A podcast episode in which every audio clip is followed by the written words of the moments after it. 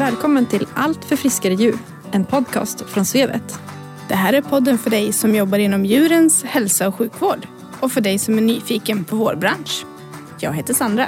Och jag heter Emily. Vi vill ge dig som lyssnar ny kunskap och inspiration. Så följ med oss när vi träffar intressanta gäster från veterinärbranschen i Sverige. Och tillsammans gör vi allt för friskare djur.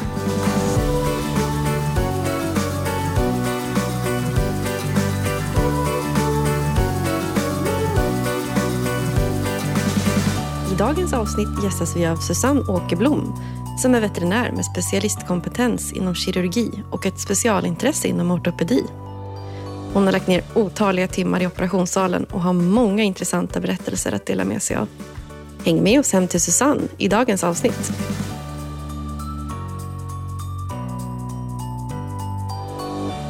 Hej Susanne och välkommen till podden. Hej! Tack för att jag får vara med. Tack för att vi fick komma hem till dig. Eh, Och vi undrar ifall du skulle vilja börja med att berätta lite mer om dig själv. Jag har jobbat som veterinär sedan 96, så det blir ett antal år. Började på en mindre klinik i Örebro för att sedan hamna i Västmanland och nu hamnat i Linköping. Jag har inte så många djur själv, men en gammal katt som är pigg och sen två och en halv häst. Den halva är så liten så hon räknas bara som en halv än så länge. Hon ska bli en hel. Så småningom. Ja, Var jobbar du någonstans? På två olika ställen. Dels då i Linköping och dels här i Västmanland. Och vad gör du då? Mest opererar, men eh, lite grann också tar emot en del hundar på polikliniken. Hundar och katter förstås. Mest halta hundar eller hundar med neurologiska problem eller andra kirurgiska problem. Du har jobbat med den här inriktningen under många år. Visste du redan från början vad du ville göra? Inte att jag ville hålla på med kirurgi, men sen fick jag chansen att söka en specialtjänst som jag nog påbörjade 2000 faktiskt, tror jag. Så att sen dess har det bara varit kirurgi. Pluggade du i Sverige eller har du pluggat utomlands? Nej, jag pluggade i Uppsala. Men vi var inte så många, vi var bara, bara 67 stycken som gick ut i min kurs. Nu är de ju uppåt 80-100. Det var rätt bra, för då lärde man eh, all, Man var inte vän så, till, men man kände ju alla. Så man vet ju fortfarande vad man har sina kurser. Det är faktiskt lite kul. Man blir en ganska liten grupp i fem och ett halvt år. Det är ju jätteroligt. Det är ganska roligt. Ja. Har du kontakt med många idag? Nej, men en del. Och sen har man kontakt med några som gick någon kurs över och några som går en kurs någon under. Så att, Vad häftigt att kunna följa varandra sådär ändå under karriären. För att eh, det blir ju lite så inom den här branschen. Att man kan följa varandra genom karriären. det är så liten värld så att alla känner alla, eller alla känner någon som känner någon som känner någon. Så är det ju. När du gick ut skolan sen, var började du jobba någonstans då? Örebro på en, eh, det som heter djursjukhuset som fanns där då. Var, var det mest katter och hundar och allmän poliklinik eller vad, vad gjorde du då? Här var katter och hundar och då börjar man ju från botten och lär sig allting. Man kan ju faktiskt inte så mycket när man går ut. Men det var väl mest att vi hade en papegoja där i väntrummet som hette Sigge. Han var lite rolig. Han som ägde djursjukhuset var väl inte helt poppis bland personalen. Första gången han kom ner och Sigge satt väntrummet och så tittade den stora gula eller vita kakaduan på chefen uppifrån och ner. Och sen det första han sa till honom var Håll käften! Och jag har aldrig hört gojan säga det någonsin. Förr eller senare. Alltså vi, hela personalen bara flydde åt olika håll i en rum och alla bara... Sen tålde jag att chefen hade papegojan. Men den bodde alltså på Ja, djursjukhuset? ja, visst, han var skänkt ut för att äh, ägaren kunde inte ha kvar honom. Blev den kvar efter den kommentaren? Ja. Ja. Vet du om eh, papegojan lever idag? Jag vet inte om Sigge lever nu, men han, eh, han levde när jag slutade jobba i Örebro i alla fall. Mm. Men han var, han var ganska rolig goja.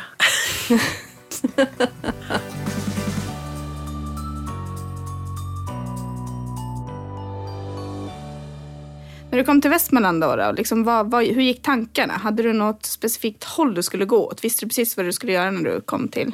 Ja, alltså då, det var en sån här kallad residencytjänst som var utannonserad. Det var den första som utannonserades. Så sökte jag den och så fick jag den. Och då blev det ju så. Fast det var inte alltid helt lyckat att vara först och vara försökskanin. För saker och ting är inte så lätt alltid när man kommer som första person. Saker och ting har ju liksom inte satt sig. Så det ja, blev lite rörigt ibland. Men det var första residensen då på det här djursjukhuset Nej, eller var det Sverige. i hela Sverige? Alltså? Ja, det fanns ju diplomates, några stycken, två, tre stycken. Men det hade aldrig varit någon tjänst ute för att, en sån utbildningstjänst.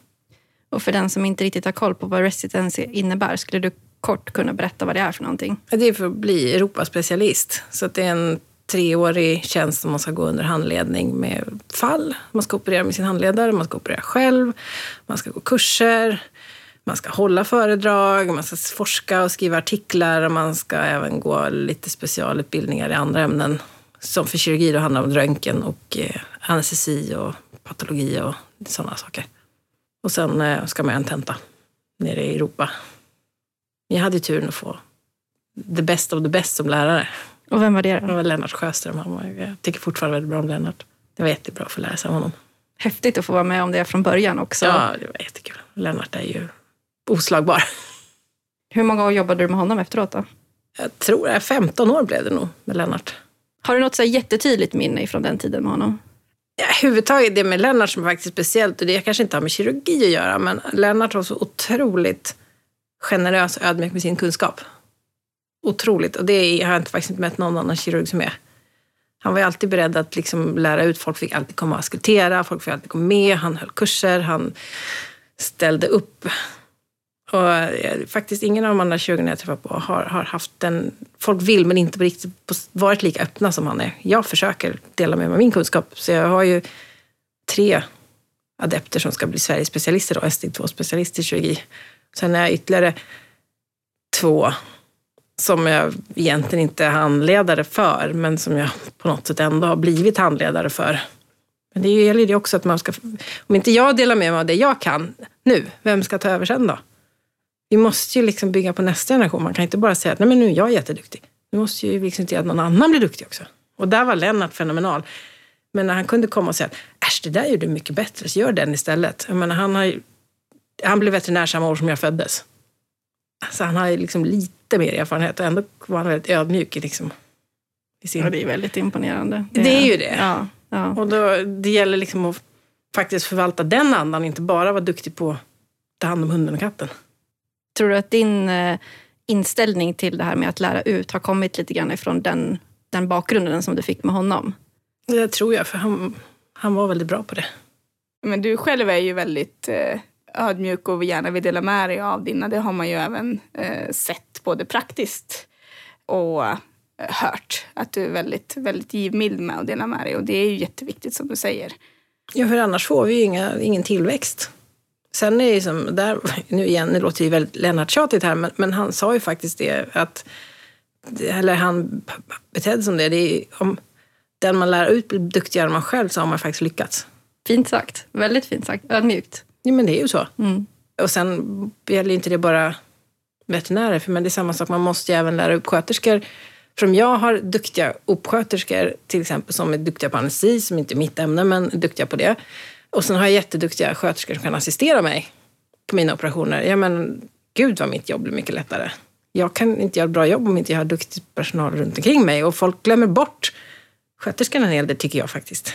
Det är så mycket fokus på att veterinärerna ska bli duktiga och kurser och utbilda sig. Men sköterskorna måste också faktiskt få lite. Då kommer jag lite grann in på det här. Du har ju liksom varit med från starten nu med internship om man säger så. Då. Tycker du att, eh, hur har det utvecklats på de här åren nu när du tar emot dina elever, eller vad ska man säga, som du handleder över? Tycker du att det utvecklas någonting eller är det som när du började? Hela veterinärmedicinen är helt annorlunda behandlingsmetoder, mediciner, operationsmetoder, allting är totalt annorlunda. Så det är lite svårt att jämföra så.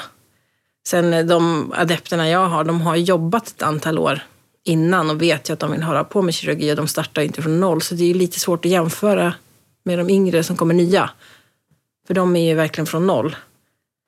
Det som är ju att vi fick inte operera så mycket till exempel när jag gick på skolan och det tror jag inte de får nu heller av den enkla anledningen att det är för många studenter på för få fall.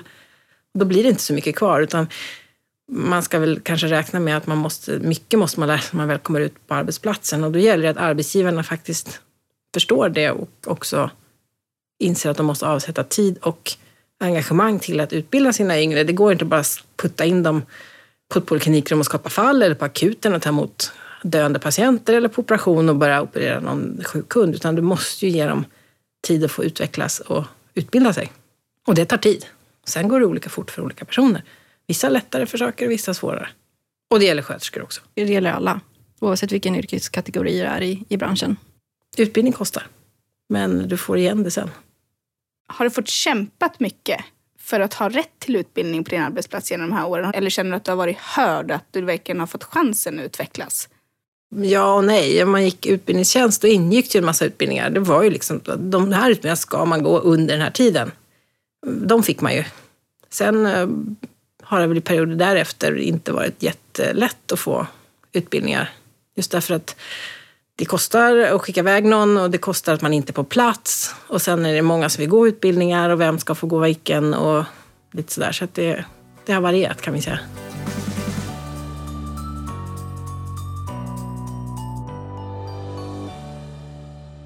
Vad är det absolut roligaste med ditt jobb?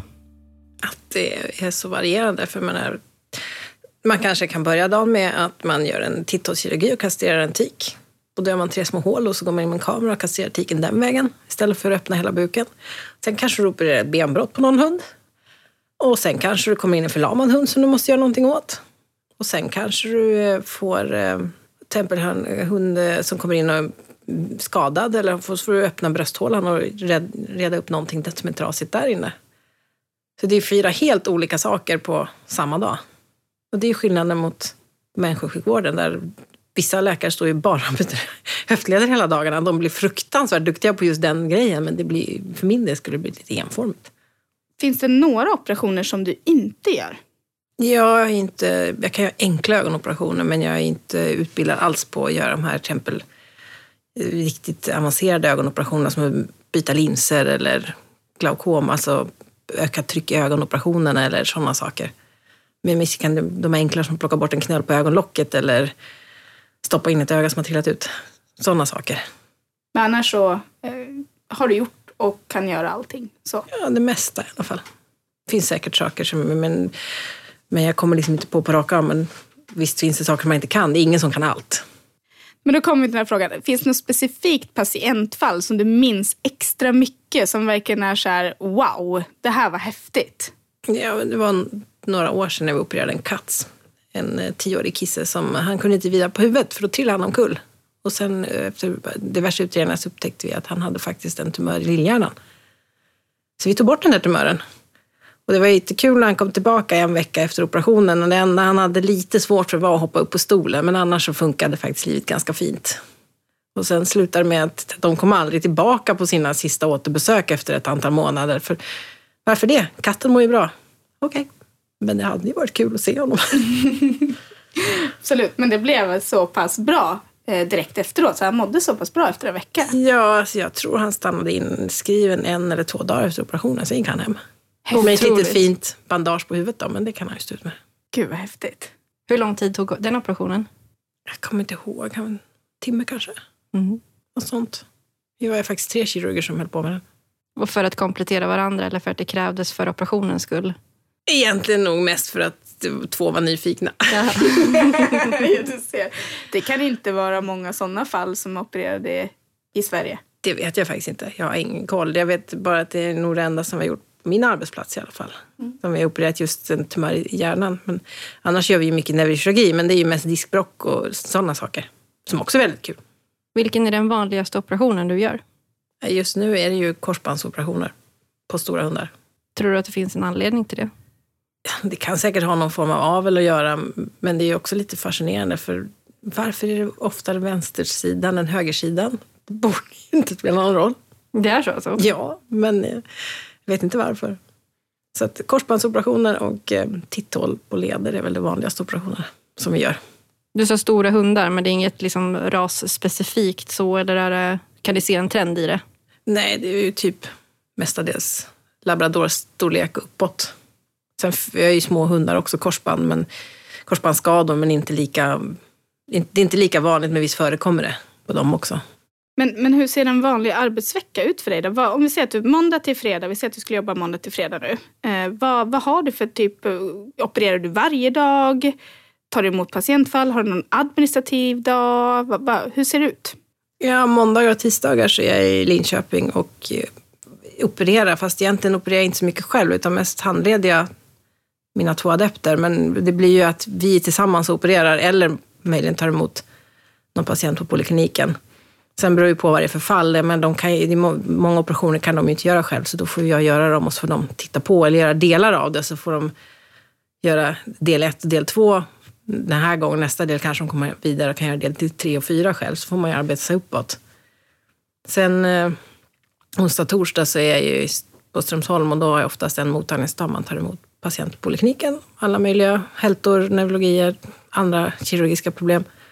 Och sen operera på torsdagarna.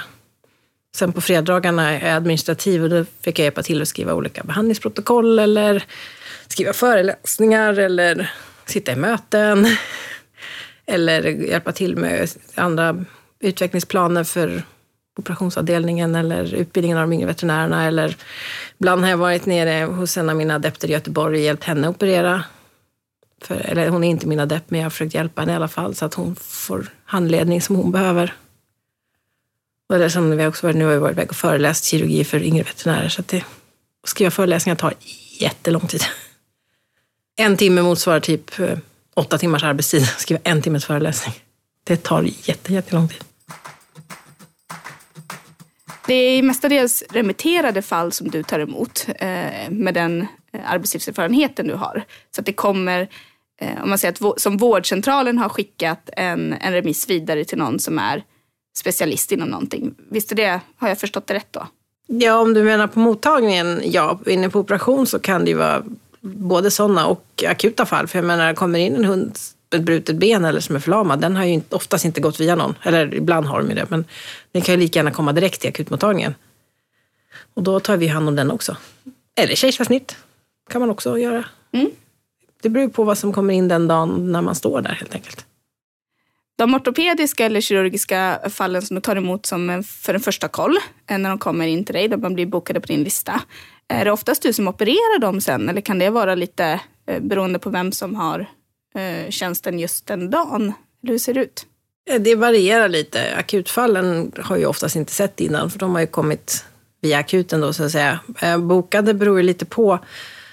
Eh, ibland tittar man på dem ena dagen och opererar andra dagen, alltså dag ett, dag två. Men ibland kan det också vara så att man tittar på dem en dag och så blir de opererade någon annan vecka eller två eller något för djurägaren kanske inte kan eller det passar inte in av olika anledningar eller det är helg eller något. Så att det är inte säkert att det är samma veterinär som opererar som tittar på dem från början. Jag kan ju få operera fall som någon annan har tittat på. Men det gäller ju att ha bra kollegor runt omkring sig så man kan lita på varandra. För jag menar, jag måste ju veta att de har tittat rätt, gjort rätt och kommit till rätt slutsats. Känner du att du har liksom de resurser du behöver för att kunna göra en bra bedömning där du jobbar idag? Har du allting du behöver på din arbetsplats? På den ena ja, på den andra håller jag på att jobba på den detaljen. Men de har faktiskt eh, skaffat ganska mycket utrustning sen jag började där. Så att, eh, det är på uppåtgående. Det fattas lite, men det kommer bli superbra när det blir klart. Hur stor del har, eh, jag tänker röntgen, eh, CT, MR, hur stor del har det i själva utredningen av patienterna många gånger? Eh, skulle du kunna klara dig utan något av det här och kunna göra ditt jobb eller är det Alltså, utan röntgen skulle det nog bli väldigt svårt. I alla fall om du ska hålla på med ben. Mjukdelar, alltså titta in i magen och sånt där kommer ju ganska långt med ultraljud. Och då måste du ha någon som är duktig på ultraljud. Jag kan inte ultraljud, så jag vågar inte göra det. Men ben, då måste du ju minimum ha röntgen. Sen är det ju ganska trivsamt att ha skiktröntgen och magnetkamera. Eh, sen är ju de inte helt lätta att tolka bilderna på. Så då måste du faktiskt ha någon som är duktig på att tolka bilder. Jag kan ju tolka till viss del, men jag är ju inte i närheten av de här riktigt duktiga som verkligen håller på med det. Men om det är så att man måste välja en av dem så skulle jag i sådana fall välja skiktröntgen, för den är ju lättare att hantera, snabbare och lära sig köra. Och är nog på det viset lite bredare om man bara måste ha en än vad magnetkameran är. Skulle du kunna klara dig på bara en slätröntgen? Nej, inte med de med operationer som jag gör nu skulle det bli svårt. Diskbråck och sånt. När jag började så hade vi inte någonting mer än röntgen. Så då gjorde man ju något som heter myelografi, alltså man sprutar kontrast in mellan ryggmärgshinnorna och ryggmärgen för att se vad som, vad som tryckte. Men det var inte alltid helt lätt att tolka de där bilderna. Och man fick inte alltid ett svar. Så ibland så blev det lite etta, kryss, tvåa att bestämma sig att A ska jag operera, B var ska jag operera. Så att ibland hände, inte ofta det hände, men det hände ju några enstaka gånger att alla vi som gjorde ryggar då gick in på fel ställe och opererade fel disk. Så att eh, det fin, när det finns så många bra modaliteter att använda så ska man ju eh, inte använda de sämre. Utan då, då är det bättre att skicka iväg en patient till någon som faktiskt har rätt saker. Det blir billigare i längden i alla fall än att hålla på försöka med fel saker och så trasslar man till det. Har du tillgång till någon bilddiagnostiker som kan hjälpa dig idag och läsa av eh, lite svårare röntgen? Ja, på den ena arbetsplatsen jobbar ju Europaspecialister i bild. Eh, på den andra har vi det inte, men man, dels kan man ju prata med varandra och dels så finns det ju nu väldigt många sådana här teleradiologer som det heter, alltså bilddiagnostiker som sitter i något annat land någonstans och som man skickar bilder till och så skickar de tillbaka ett svar. Då. De brukar svara inom något dygn eller så. Vad häftigt, vilket samarbete. Det finns firmor som bara, alltså, några som bara sysslar med sånt. De har, det är liksom deras affärsverksamhet är att folk skickar bilder dit och så läser de bilderna och skickar svaret. Det är ju betaltjänst, man betalar för sig, så det kan ju vem som helst göra som har, vill ha hjälp med bilder. Och det är ju inte bara skiktröntgen eller magnetkamera, det går ju med vanlig röntgen och ultraljud också. Du nämnde tidigare att det var bättre då att remittera patienten om man kände att man inte riktigt hade rätt resurser. Tycker du att du får rätt typer av remissfall eller är det många patienter som då kanske antingen är inte riktigt färdigutredda eller att det är så att de kanske är feldiagnostiserade eller att det är saker på vägen som har ställt till det för din del i vidare utredning? Många av dem är ju inte färdigutredda, för det är därför de kommer. För att de som har haft dem från början känner att jag kan inte riktigt, inte mitt område eller jag har inte rätt resurser. Så då, då, kommer de ju för det. I andra fall så är det ju, händer det ju ofta att de kommer med en färdig diagnos och den diagnosen är alldeles korrekt. Det är bara det att den som har remitterat har inte operationsmetoden eller eftervården eller den här sista då kanske skiktröntgen eller det som behövs för att kunna ta det hela vägen i mål och så skickar de det vidare. Sen finns det ju alltid de som kommer och då är det svårt att veta vilket som är djurägarens version och vad som är veterinärens version där att de kommer med en spikad diagnos och bara ska ha beställningsjobb, operationen eller vad det nu är. Och så visar det sig att det inte alls är det som beställningen gällde.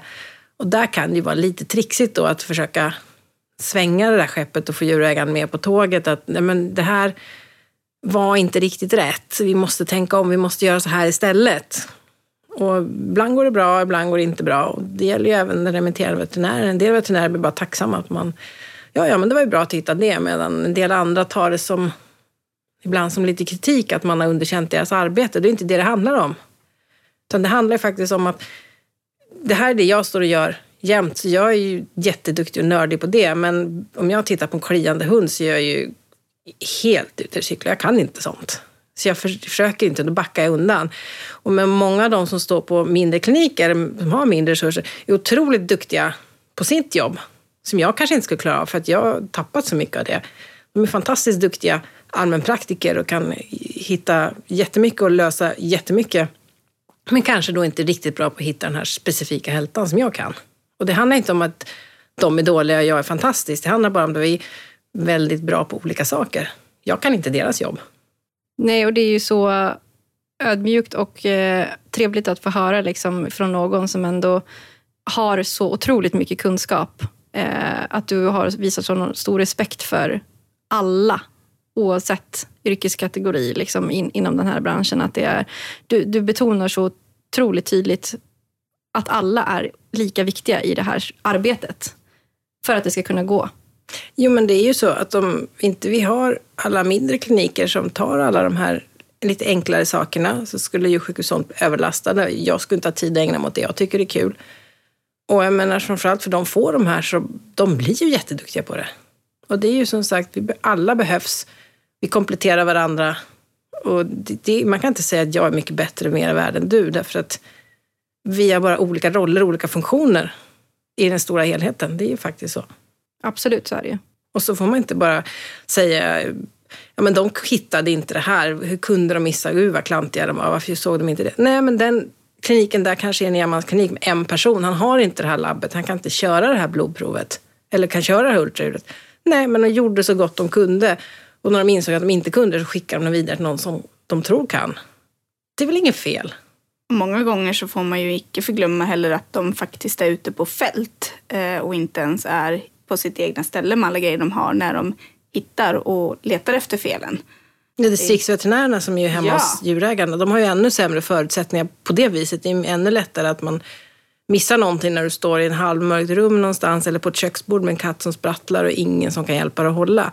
Så det är ju självklart och det får man ju liksom ha respekt för. Det är busenkelt om man ska ha världens fancy röntgenapparat och kan ta den där bilden på en gång. Men jag vet, mitt första jobb så eh, kunde vi köra en del blodprover men inte alla. Så vi skickade en del blodprover och då gjorde man ju så att man tog blodproverna, fick de svar man kunde och så tänkte, behandlade man som man trodde det var.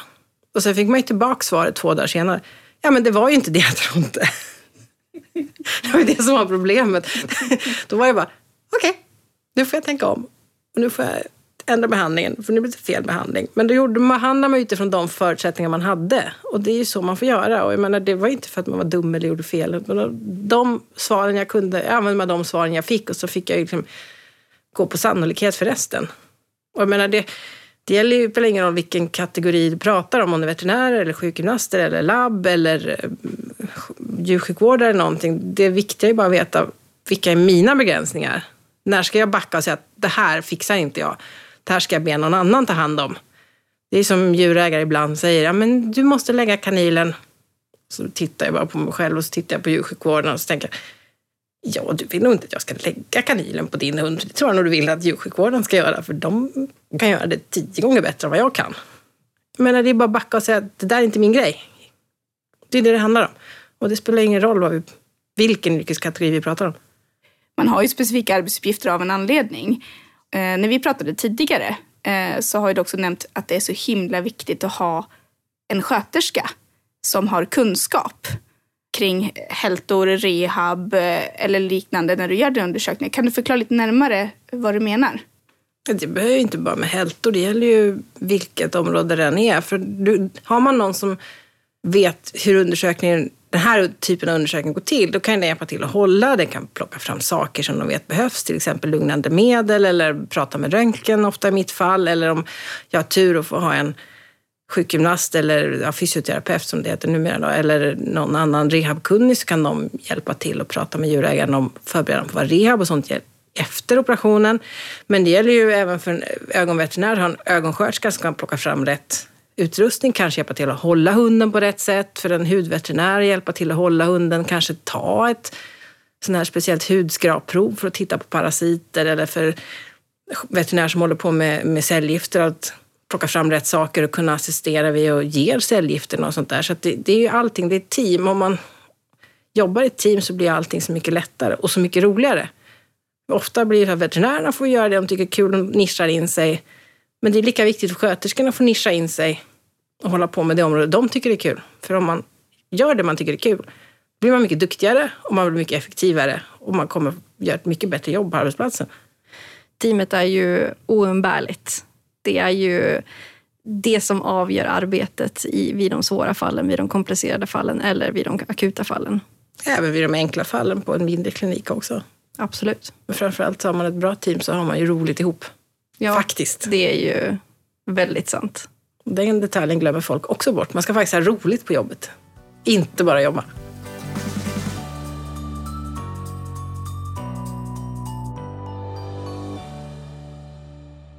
Jag skulle vilja gå tillbaka lite grann och prata om det här också som du sa med att förr så kanske det var vanligare att man satte in en behandling och provbehandlade mer tills du hade rätt provsvar.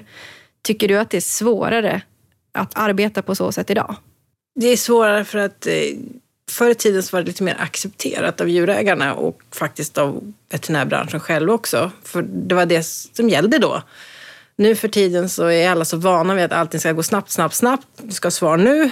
Och det är ju hårdare klimat. Dels för att det är mer diskussioner på nätet. Folk googlar mer, på gott och ont. Dr Google kan ibland vara bra, kan ibland vara en katastrof faktiskt. Eh, sen är det också det att det har ju blivit också hårdare klimat att djurägarna man får inte göra fel och då blir det också att då tas fler prover som kanske inte behöver tas därför att folk är så rädda för att man ska ha fel och bli uthängd eller anmäld. Och det gör att det blir dyrare för djurägarna också och det gör ju att då drivs ju kostnaderna upp. Och förr i tiden hade jag kanske kunnat hoppa en del ut i det och göra sånt här, prova, provbehandla och sånt. Och djurägarna tyckte det var okej, även om det inte blev helt rätt från början. Men i nuläget så är det inte acceptabelt längre. På gott och ont, för då blir det ju dyrare, jobbigare, tar längre tid för både djurägaren och veterinären. Lite samma diskussioner har man väl själv varit delaktig i också, det här med angående ekonomin. Eh, djurägarna vill inte testa provbehandling. Eh, det är inte någonting som de är villiga att utsätta sitt djur för. Och samtidigt så vill de ha snabba svar och det ska vara rätt från början också och till en bra peng. Ja, och sen måste man också tänka lite på att alltså du får lite vad du betalar för också.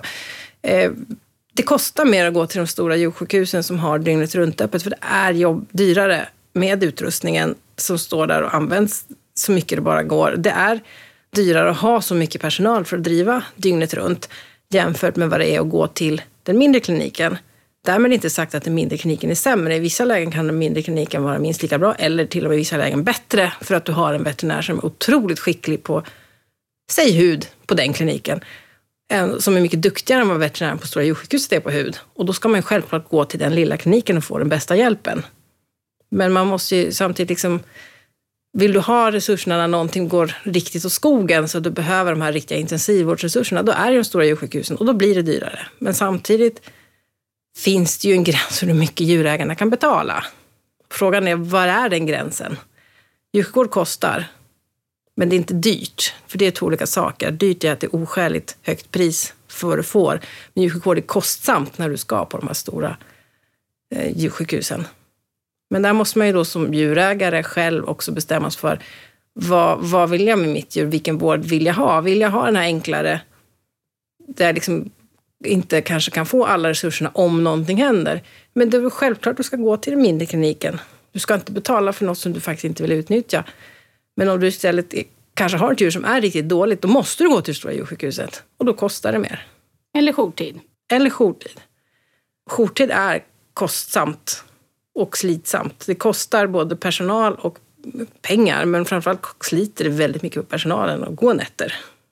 Det är jobbigt. Jag har gjort det själv och jag vill inte börja göra om det igen kan jag säga. Hur tycker du det ser ut idag trendmässigt? Eh, tycker du att priserna ökar för mycket? Tycker du att det är fler djurägare som inte har råd med den här sista behandlingen, sista operationen? Ser du någonting sånt ut idag? Hur ser det ut idag?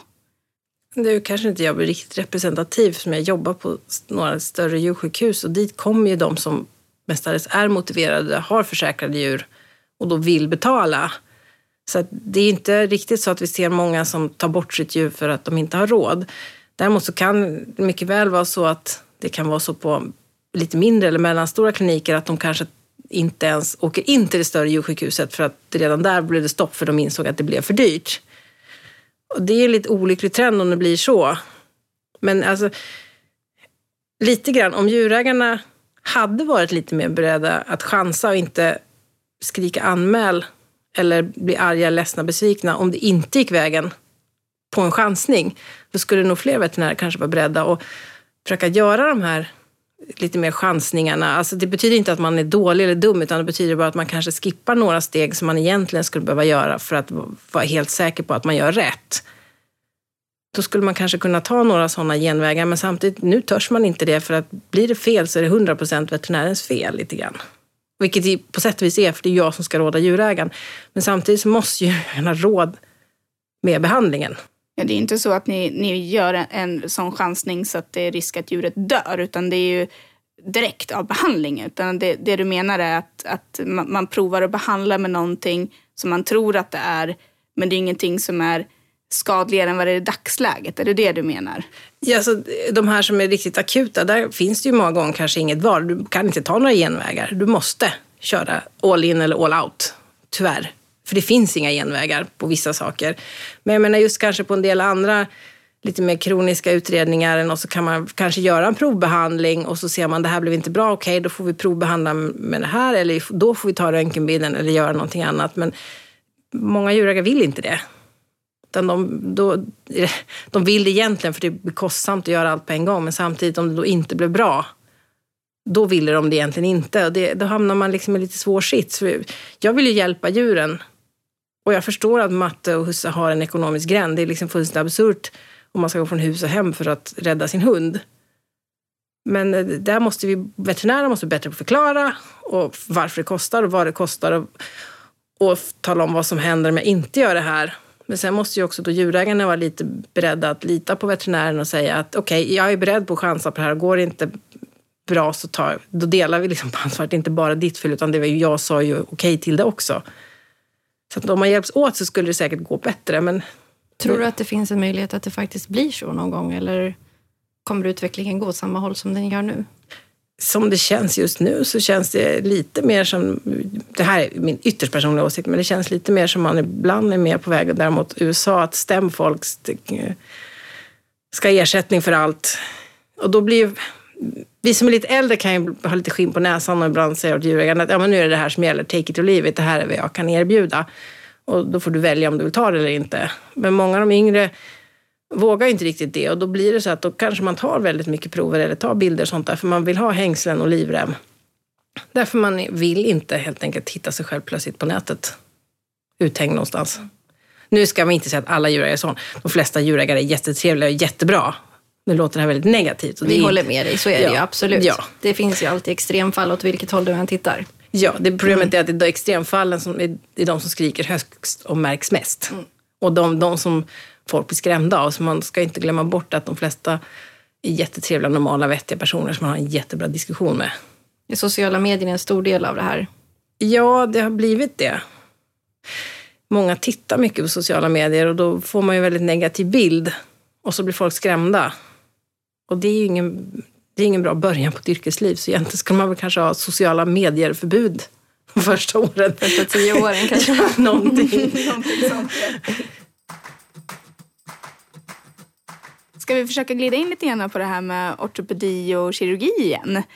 Vad tycker du att de nyexade ska ha med sig direkt när de kommer ut, när det kommer till och just ortopedin?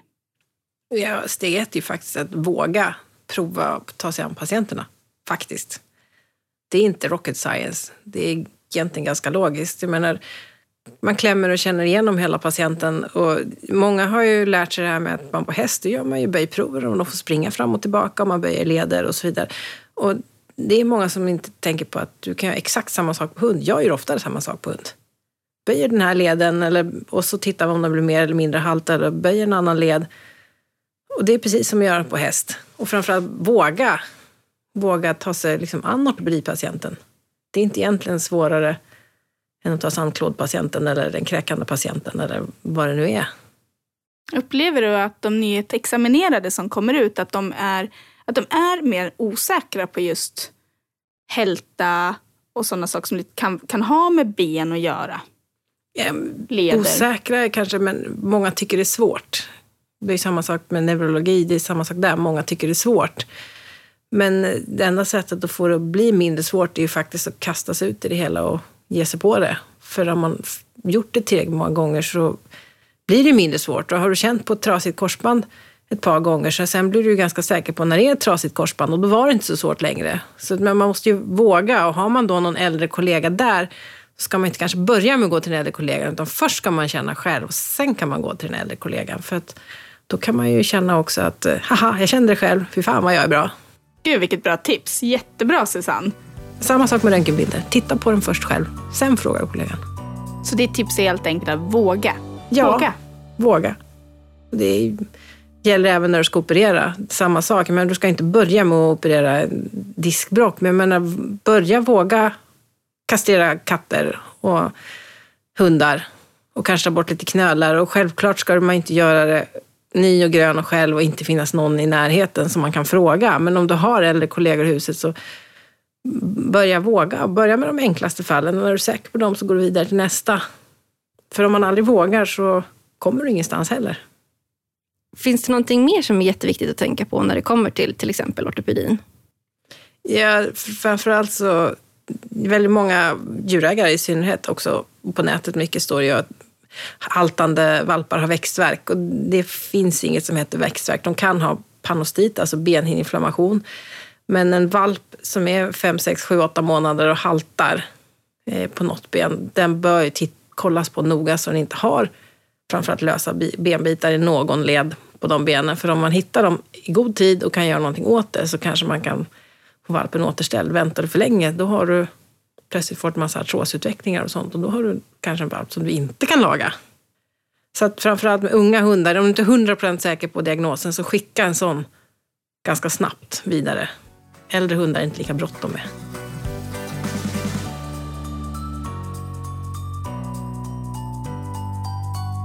Vad har du för planer på framtiden då, Susanne? Ja, det jag framförallt vill egentligen är ju att se till att mina adepter blir duktiga och självgående. Målet är faktiskt att göra mig själv överflödig. Och då skrattar de åt mig på, i Linköping hela tiden.